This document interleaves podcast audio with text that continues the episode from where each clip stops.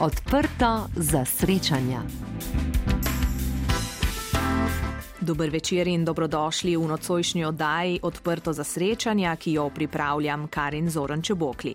Naš gost je zdravnik interne medicine, športnik in paraolimpijec, ki bo prihodnje leto že četrtič nastopil na paraolimpijskih igrah. Dejan Fabčič, lepo pozdravljeni. Lepo zdrav. V vodu sem strnila uh, en tak vaš kratek opis. Kaj bi pa vi rekli o sebi, kdo je Dejan Fabčič? Ja, kar težko vprašanje, tako za začetek. V bistvu sem sebe še najbolj vidim kot družinskega človeka. Um, v bistvu preživljanje časa z družino mi v zadnjem času vedno več pomeni e, in zato tudi poskrbim, da smo res čim več skupaj, da se imamo lepo, res v tem trenutku. Potem eh, druga ljubezen, bom rekel, je medicina. To mi je bilo nekako položeno že v zipko. Eh, in od takrat naprej, ko sem že kot majhen opazoval delo zdravnikov in eh, medicinskega osebja, sem se nekako zaljubil v to in tudi zdaj še z veseljem upravljam ta poklic, kljub temu, da res opažam, da je vedno bolj zahtevno, eh, glede na razmere, glede na številna, bom rekel, bolezni, bolezenska stanja in vedno hujše pacijente. Potem pa seveda sem že od majhnega zaljubljen tudi v šport. Eh, brez športa nekako si ne predstavljam življenja. Tako da eh, že kot majhen deček sem sanjal, da bi bil enkrat vrhunski športnik, da bi lahko nastopil na največjih tekmovanjih tudi v tujini. In to se mi je zdaj uresničilo in kar nekako ne znam nehati. Tako da bom, sem vesel, da bom drugo leto že četrtič nastopil na paraolimpijskih igrah. Vaša življenjska zgodba namreč je res navdihujoča. Rodili ste se um, z redko boleznjo in sicer brez golenic na obeh nogah in uh, v tistih uh, časih vašega otroštva je pač to pomenilo, ne, da boste ostali brez nog, ne, amputacijo, ampak nekako sreča v nesreči ste pa imeli, da ste ohranili obe nogi. Ja, um, Še zdaj sem temu zelo vesel, čeprav smo se takrat že pogovarjali z mojim ortopedom, dr. Plahuto, ki se je takrat upal nekako poskusiti nov način zdravljenja, da tudi če ohranimo noge za 5, 10, 15 let, bo boljše kot nič. No, zdaj sem star že eh, 45 let, pa še kar. Uh, Imam svoje noge in jih čutim, prste na nogi, lahko pomigam z njimi, lahko uh, hodim po stopnicah, skratka, sem uh, mobilen. Eh, in eh, tega sem res zelo vesel. Verjamem, da mi pri tem pomaga tudi ukvarjanje s športom in redna um, skrb za redno telesno kondicijo in re, rekreacija. In, ampak eh, ja, takrat je bila pa ta odločitev, verjamem, za moje starše kar precej uh, zahtevna in sem jim hvaležen še danes, tako kot dr. Plahuti, da so se za to odločili. Namreč imeli ste kar nekaj posegov, da so vam manjkajoče kosti nadomestili. Ne? Kako pravzaprav? Ja, operacij je bilo več kot 20, praktično že od e, starosti pol leta naprej so se vrstile in so poskusili tibijo, ki je to je močnejša kost v nogi, nadomestiti s šipkejšo e, in nekako upali, da se bo ta toliko okrepila, da bo potem lahko nosila e, mojo težo zato tudi moram paziti, da se ne preveč zredim. Naprimer. Eh, skratka, to jim je nekako uspelo, eh, fibula, se pravi mečnica, se je okrepila in nekako zdaj nosi eh, to mojo težo. Tako da je bil pa to res takrat ena taka, bom rekel, inovativna pogruntavščina. In potem je dr. Plahuta na podoben način pomagal še kar nekaj drugim otrokom po celem svetu. Kako ste vi doživljali, ker kar nekaj časa ne ste preživeli po bolnišnicah, kako ste doživljali pač tisti čas in kako tudi recimo zdaj gledate na to um, vašo usodo, če lahko tako rečem? Um, ja, jaz sem bil takrat skoraj inventar v Stari Gori, uh, takrat je bil ortopedski oddelek. V Stari Gori, v stavbi izraven uh, oddelka za invalidno mladino. No, in uh, takrat moram reči, da sem bil tam gor praktično njihov. Vse sestre so me vzele za svojega, nekaj časa so tudi moji starši, oziroma mama, bivala, uh, bivali z menoj. Tako da tistega obdobja se niti ne spominjam prav zelo. Uh, spominjam se potem zadnjega sklopa operacij, ki je bil po končani osnovni šoli. Takrat pa moram reči, da imam zelo lepe spomine. Ja, bil sem najboljši prijatelj s kuharico, pa s fizioterapeuti. Skratka, vsi so me tudi takrat imeli za svojega in nekako smo kar vzpostavili take pristne vezi, ki še danes se kdaj srečamo ali pa slišimo in se malo pohecamo. Tako da, ja, vedno sem gledal na to pozitivno, nikoli nisem bil zaradi svoje invalidnosti kaj zagrenjen. Um, mogoče v najstniških letih se malo sprašuješ, zakaj se to ravno meni zgodilo, zakaj ni več ljudi takih kot jaz, oziroma bi bil jaz rajši tako kot drugi zdrav in tako, ampak potem, ko nekako m, sprejmeš, da si ravno zaradi tega nekaj posebnega, gre lažje v življenju naprej. In, uh, imel sem srečo, da sem imel tudi v srednji šoli, ki je tako najbolj občutljivo um, obdobje, zelo v redu sošolce na Škofijski gimnaziji Pava. Uh, tam sem tudi spoznal uh, svojo takratno punco, ki je zdaj moja žena. Uh, skratka, um, lahko rečem, da kljub temu, da mi je pri rojstvu Bog nekaj oduzel, mi je pa na drugih področjih sigurno kaj dodal. Kako pomembno je ne, tudi to okolje, da sprejme uh, človeka, ki je pač nekoliko drugačen? Ja, ključnega pomena. In ravno takrat uh, večkrat se sprašujem, kako bi bilo, če bi zdaj živel v tem obdobju, ali bi tudi uh, mladina nekako me na tak način doživljala, uh, kot smo se takrat imeli. Vendar so bili takrat malo drugačni časi, zdaj je to obdobje. Socialnih omrežij, in tako naprej. Ne vem. Čeprav po drugi strani pa verjamem, da bi jih svojo energijo lahko tudi eh, nekako navdušil pa eh, si pridobil prijatelje. Ne vem. Ja. Omenili ste, da ste obiskovali Škofijsko gimnazijo v Vipavi, na to pa odločitev za eh, študij medicine, ki je bil, kot pravite, samoumeven ne, na nek način. Ja, v bistvu je bila edina želja za nadaljevanje šolanja. Eh, in hkrati tudi nekako samoumevno nadaljevanje moje življenjske poti. Eh, praktično sem se skoraj iz bolnišnice preselil na fakulteto. Moram reči, da sem tudi v študiju zelo užival, zelo mi je bilo všeč vse, kar je povezano z medicino. Eh, sovražil sem tiste obrobne predmete, ki nekako nimajo nekako povezave z medicino, to se še zdaj spomnim. Sem pa vedno želel, da Eh, da me ne jemljajo kot nekaj posebnega ali pa da imam zaradi invalidnosti kakšne privilegije, ampak eh, res, da delam celotni program medicine enako kot drugi študentje. Eh, nekako sem se zavedal, da ko bom dežuren nekje sredi noči, mi to, da sem invalid in da sem imel mogoče kakšno protekcijo, pa kakšen privilegij, ne bo čisto nič pomagalo, ko bo pred mano mogoče zelo zahteven ali pa umirajoč pacijent. In ravno zaradi tega sem res končal medicino, tako kot eh, vsi ostali. In um, bom rekel, da um, vesel, no, vesel da, da, da se je to zgodilo in da tudi dejansko profesori na fakulteti uh, so me na tak način sprejeli. Specializirali ste interno medicino, danes eh, vodite ambulanto za bolezni ščitnice in diabetes. Kakšno um, je vaše vodilo pri delu s pacijenti? Um, nekako izhajam iz tega, da sem bil dolgo časa tudi sam pacijent, se pravi na tisti drugi strani in um, poskušam s pacijenti se pogovarjati na tak način, kot bi želel, da jaz dobim informacije od zdravnika.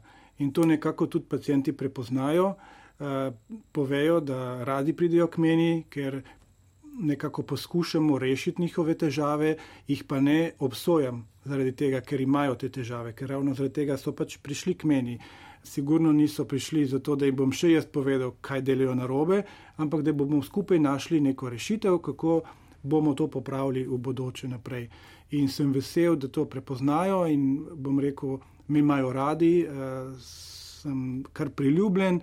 Eh, mogoče zaradi tega imam tudi preveč napolnjeno ambulanto, ampak dokler zmorem in bom z veseljem pomagal.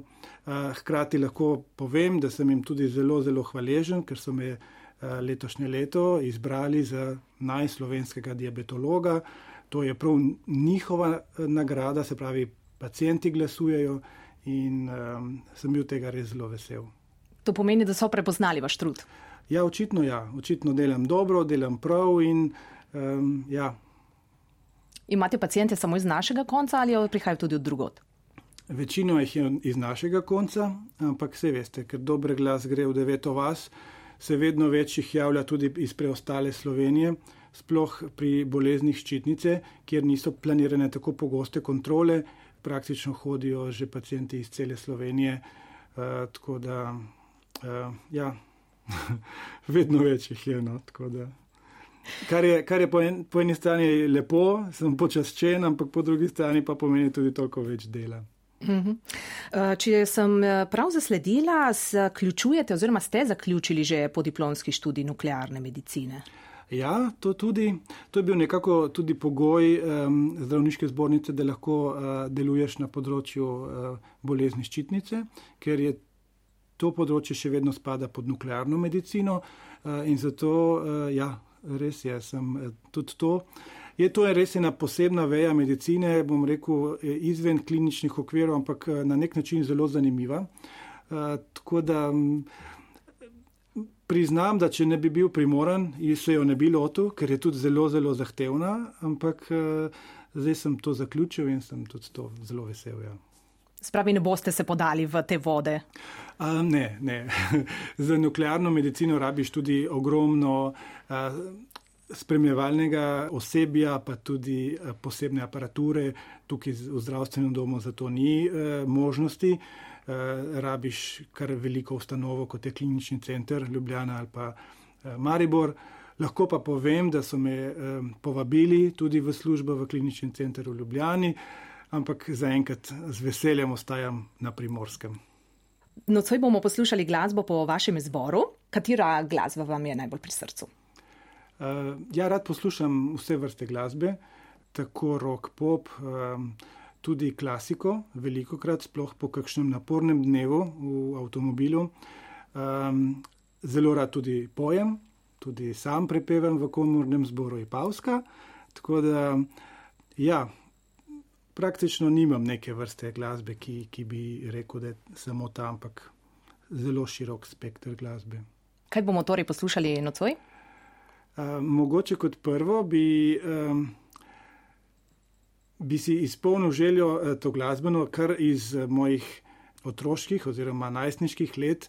Takrat sem bil uh, zaprisežen um, k skupini Cranberries uh, in mogoče Old to My Family za začetek. Glasba oziroma petje je tudi ena od mnogih ljubezni našega nocojšnjega gosta, zdravnika in paraolimpica Dejana Fabčiča, kot ste ravno povedali pred to skladbo. Pojete pri komornem zboru Ipavska, koliko let že in kaj vam pravzaprav pomeni petje?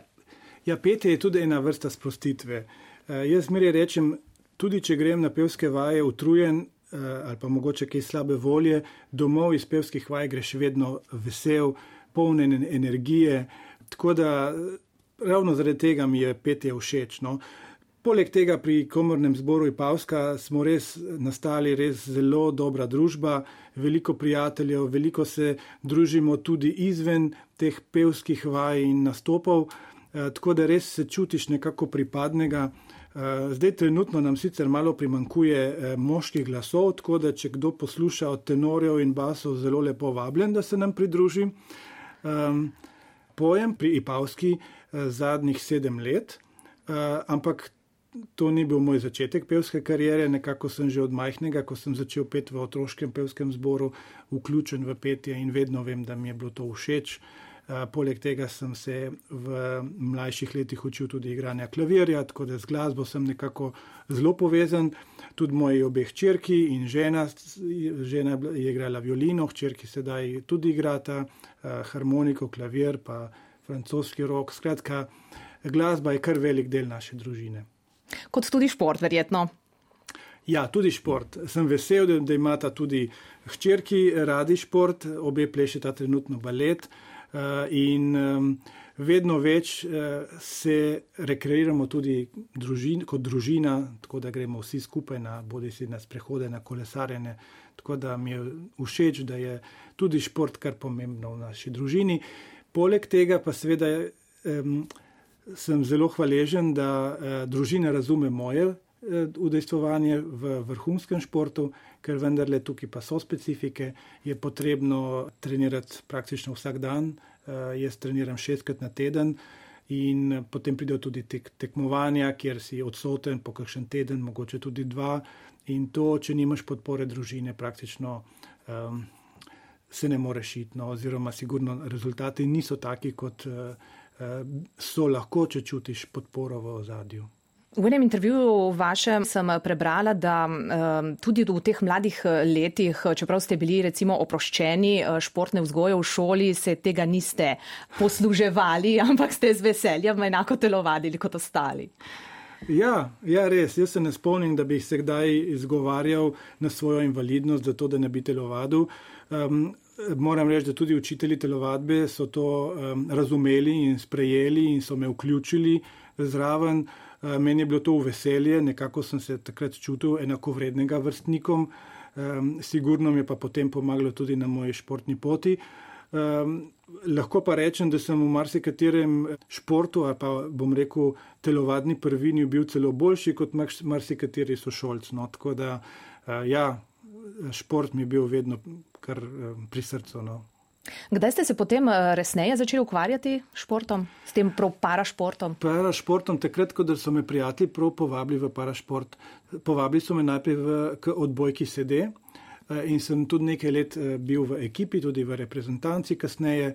Vendar je potem nažalost moška ekipa odbojke SD končala svoje, svoje delo oziroma razpadla, ker ni bilo več sredstev, ni bilo trenerja in Jaz sem si pa želel, da bi izkusil šport še na malo višji ravni, eh, zato sem potem začel se ukvarjati s plavanjem. Eh, to je bilo takrat, ko sem šel v Ljubljano, nekako tukaj pri nas eh, na primorskem takrat ni bilo pokritega bazena, kjer bi lahko vsakodnevno treniral. Zato v Ljubljani je bila pa ta možnost in sem se najprej priključil plavalnemu klubu Olimpija. Potem, ko so pa rezultati malček se izboljšali, me je pa pod svoje okrilje vzel tukaj goriški rojak, dr. Boro Štrumbel iz fakultete za šport in z njegovim, bom rekel, strokovnim pristopom do plavanja sva dosegla res dobre rezultate, tudi nastopila na paralimpijskih igrah v Pekingu, tam sem bil šesti pa sedmi in ja, Takrat sem res začutil, da, da se ukvarjam s športom na vrhunski ravni. Boro je znal to zelo dobro poskrbeti za to, delala sva video analize, delala sva popravljala res take malenkosti, um, celovito pristopila, nismo samo plavali, dodali smo fitness, pa druge, drugo vadbo na suhem, z elastiko. Skratka, en kup um, ene nove, bom rekel, novega pristopa in, uh, k treningom, in uh, takrat sem res začutil, da, da delamo pa vrhunsko. Kakšna izkušnja je bila prve olimpijske? Kako se jih spominjate? Zelo lepa izkušnja. Spomnim se, da sem takrat v olimpijski vasi rekel sam sebi, da če bom imel še kdaj minimalno možnost, da se udeležim še kakšnih paraolimpijskih igrah, iger, jo moram z obema rokama zagrabiti. No. Tako da res lepo, ta olimpijski duh je res nekaj posebnega. Mogoče se sliši tako klišejsko, ampak ko si tam um, med izbranimi športniki, veš, da so res najboljši športniki tam prisotni. Ko prideš na otvoritveni slovesnosti na stadion, kjer je skoraj 100 tisoč gledalcev in vsi te pozdravljajo, vsi te nekako častijo kot um, vrhunskega športnika. Um, poleg tega, ko lahko zastopaš svojo državo na takem velikem tekmovanju, uh, to so res taki. Močni momenti, bom rekel, duhovni, psihološki, da nekako te kar napolni z energijo za naslednjih ne vem koliko letno. In tudi motivacijo, seveda, za treninge. In dejansko tudi tisti, ki ne osvojijo medalje na paralimpijskih igrah, niso razočarani, ker samo da to doživiš, to te toliko napolni z energijo, da enostavno nisi nič razočaran, tudi če ni tiste pike na i medalje. Ker vsak športnik se zaveda, da medalje so samo tri. In um, seveda de, narediš vse za to, da bi jo mogoče dobil, ampak uh, prostora je samo za tiste tri športnike. In uh, res prav paraolimpijske igre so tako tekmovanje, da ne gre nobeden domov razočaran. Kako ste potem uh, splavanja prešli na kajak? Ja, kar spontano se je to zgodilo, neč brez kakšnih načrtov. Uh, jaz sem takrat zaključil študij medicine in uh, ženo sva si nekako zadala, da si počasi ustvariva družino. Mogla sva se odločiti, ali bova živela v Ljubljani ali bova živela na primorskem. Uh, odločila sva se, da prideva oba nazaj na primorsko. In, um, ja, tukaj ni bilo pokritega bazena, tako kot je zdaj v Gorici. Uh, in, uh, enostavno s plavanjem uh, sem mogel zaključiti. Uh, ker potem nekaj časa se nisem ukvarjal z nobenim eh, športom tako zelo resno, uh, se je kmalo to začelo poznati tudi na moji um, telesni masi. In, skratka, hitro sem prišel do zaključka, da šport preveč pogrešam. In uh, takrat sem začel veslati, ker se mi je zdel to zelo lep šport, sploh za mojo vrsto invalidnosti ker eh, pri veslanju nekako noge niso eh, tako veliko udeležene, eh, deluje pa cel trup, pa roke. In zato sem začel veslati in imel nekako srečo, da je ravno takrat postal parakajak, se pravi kajak za invalide, olimpijska disciplina, ki je bil prvič na sporedu prav v Rio de Janeiro leta 2016. In ko smo to izvedeli, so nas zasrbeli prsti in takrat smo se povezali z odlično kajakašico, ki je takrat ravno končala svojo aktivno kariero. To je tudi novogoričanka Nina Mozetič. Ona je tudi zagrizla v to jabolko in rekla: Ajde, probamo. Eh, želela si je tudi ona biti enkrat na olimpijskih igrah, ker ji z njenim čovnom to nekako ni uspelo. In sva se podala v treninge, hude treninge, moram reči, tudi po zimi, ko je bila soča ledeno mrzla, uh, smo trenirali na njej in uh, veslali, in nam je uspelo. Evo, tako smo šla z Nino v Rio de Janeiro, v Parakajaku. In osvojili ste, če se ne motim, šesto mesto? Ja, tudi tukaj sem bil šesti.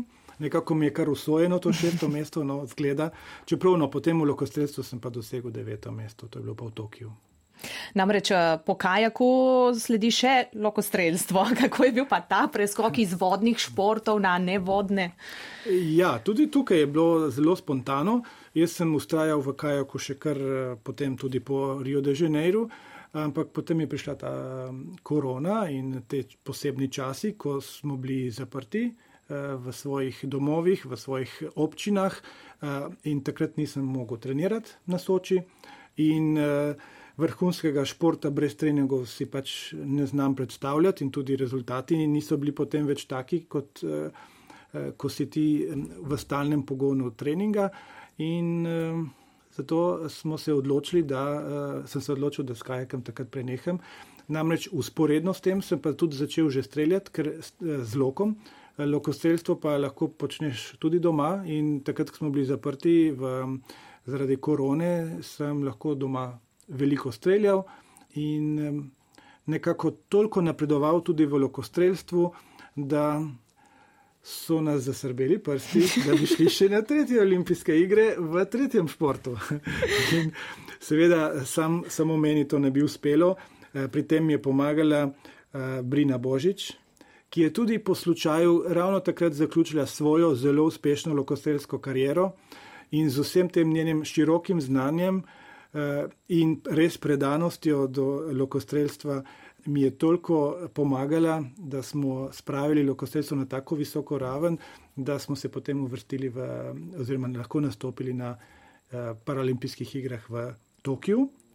No, in tudi z lokostrelstvom zdaj nismo še zaključili, pravzaprav smo ga po Tokiu še nadgradili, res zelo trdo trenirali in um, evo letos nam je uspel. Eh, tudi eh, preboj na Paralimpijske igre v Parizu drugo leto, eh, ko sem zmagal na Evropskem prvenstvu v kontinentalnih kvalifikacijah. O tem več malce kasneje. V Tokiu na Paralimpijskih igrah pa ste mm, na odprtju nosili tudi slovensko zastavo. Kakšna čustva so vas takrat privevala? Ja, to je tudi res nekaj posebnega. Ne znam vam opisati, kakšne čustva. Enostavno bil sem vesel, bil sem ponosen, Tudi videlo se je na posnetku, so mi drugi povedali, da se je videlo, kako s ponosom vihtim to slovensko zastavo. Eh, tudi to je bila namreč ena od takih bolj skritih sicer želja iz otroštva, Ko, eh, jaz namreč tudi po televiziji nisem eh, zamudil nobenega velikega športnega dogodka in ko sem gledal olimpijske igre, kako so drugi nosili zastavo, sem si mislil, kako bi bilo fajn, da bi enkrat od meni pripadla ta čast.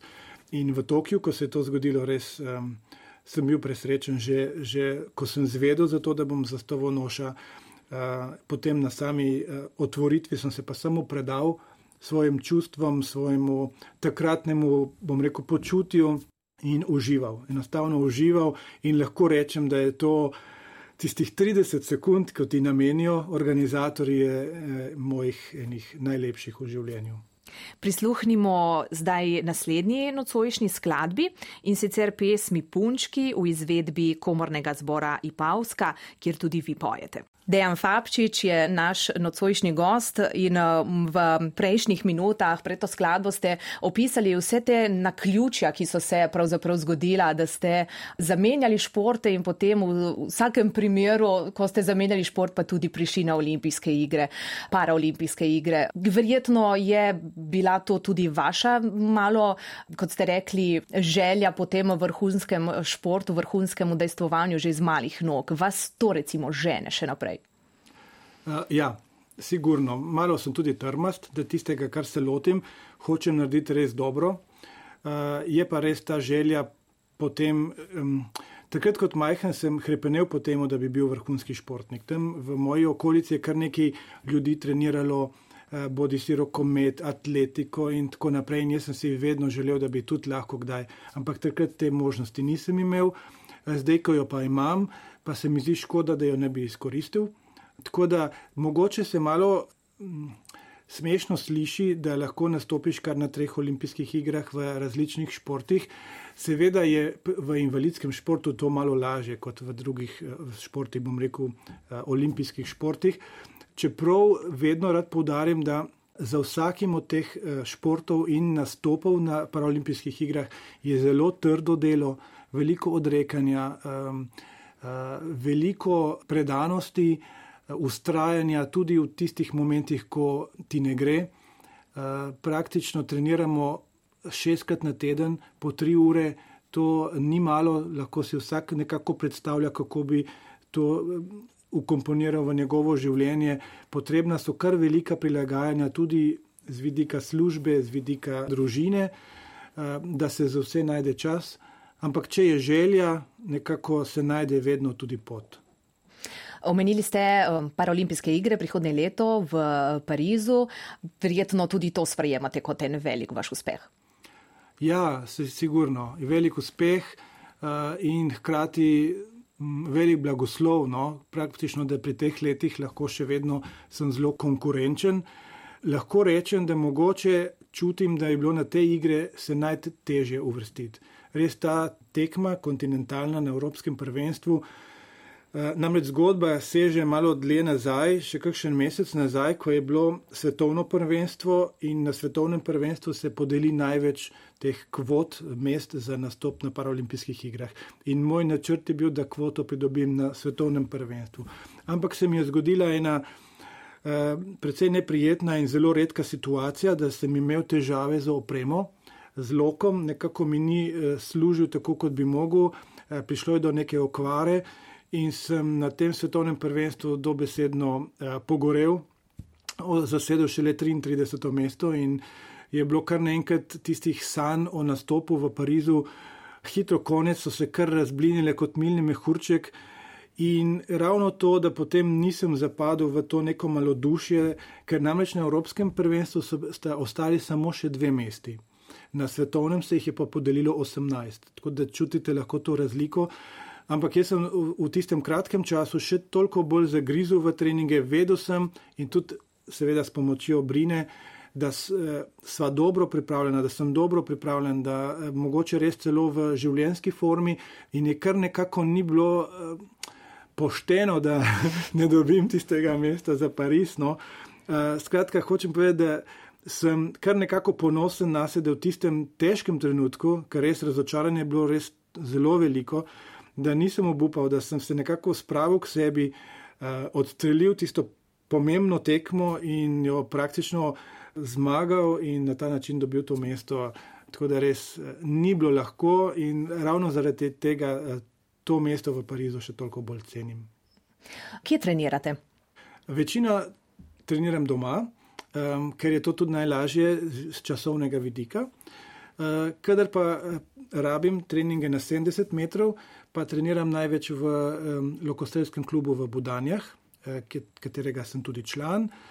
Zelo veliko treniram tudi tukaj v Šempetru pri Gorici, tukaj mi gre zelo na roko eh, Lokostelski klub Gorica in Dejan Žnidrčič kot predsednik, da mi omogočijo, da lahko tudi pri njih eh, treniram. Namreč to je na poti v službo, kar je eh, super. Um, v zimskem času, ko se zunaj ne da trenirati, se pravi na razdalji 70 metrov, eh, pa eh, se poslužujemo bodi si eh, športnega centra, bivšega hita v Šempetru. Šempetru. Ja. Eh, v zadnjem letu pa moram reči, da sem zelo hvaležen, da mi omogočajo treninge tudi v hali eh, mojega pokrovitelja Meblo Jogi eh, in tudi tam upravim zelo veliko treningov in je res zlata vredno, da lahko tudi v zimskem času, ko drugi mogoče nimajo te možnosti, da lahko jaz še vedno streljam tudi na 70 metrov in vzdržujem um, to formo tudi na dolge razdalje. In zaradi tega res uh, mogoče imam prav zaradi meblo jogija tukaj največjo prednost pred drugimi. Uh -huh. uh, letos prvič z njimi sodelujete? Uh, ne, to smo že v lanski sezoni. In uh, se je izkazalo za zelo dobrodošlo, ker ni potem tistega dolgega prehoda v spomladanskem času na zunanje sezono, se pravi na daljše razdalje, ampak dejansko pridem kar praktično direktno iz treninga lahko na tekmo. In tudi letos um, se bomo tega posluževali, namreč že v začetku marca me čaka tekma zunaj. Eh, tekma bo, bo v Dubaju, kjer bo toplo vreme in zaradi tega um, praktično, če ne bi imel te možnosti tren, treninga na meblo, jogi bi dejansko prišel iz dvorane direktno na, na tekmo v Dubaj in um, seveda ne bi mogel pričakovati nekega dobrega rezultata. Eh, tako kot tisti, ki imajo v tem času leta poletje, recimo južna polobla in lahko normalno trenirajo. In tisti bodo prišli super pripravljeni. In, uh, da, ampak jaz bom tudi.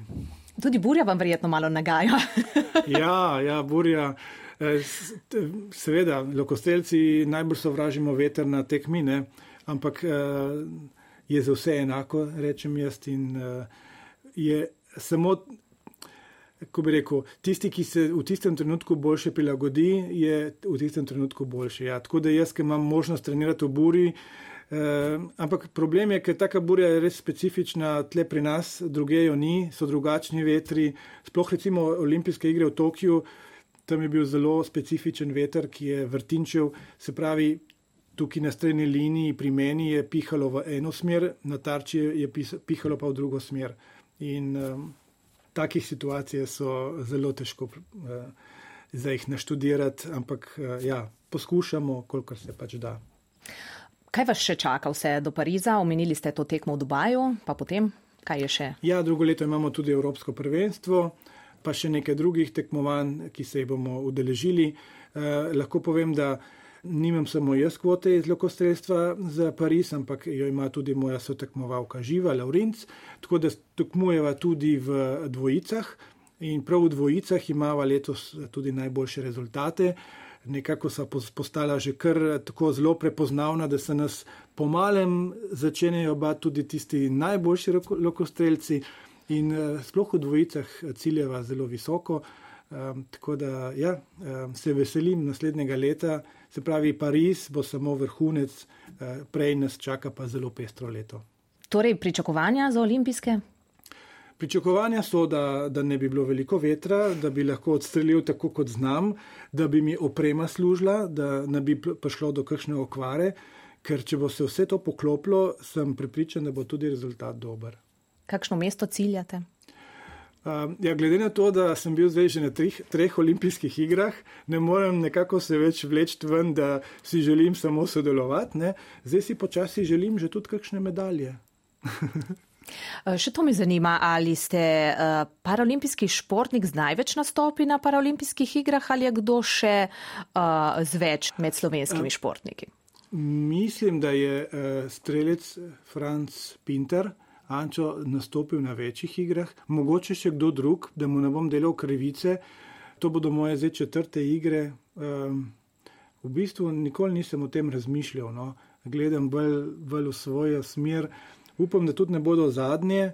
Zdaj, če bo to zadnji šport, tudi ne vem, ne bom obljubil, ker zaradi čega kruha se največ. Ne. Um, tako da, ja, sigurno, dokler bom zdrav, dokler bom imel motivacijo, bom v športu ustrajal. Sigurno pa je lepo videti tudi, da se športu priključujejo vedno več mladih ljudi.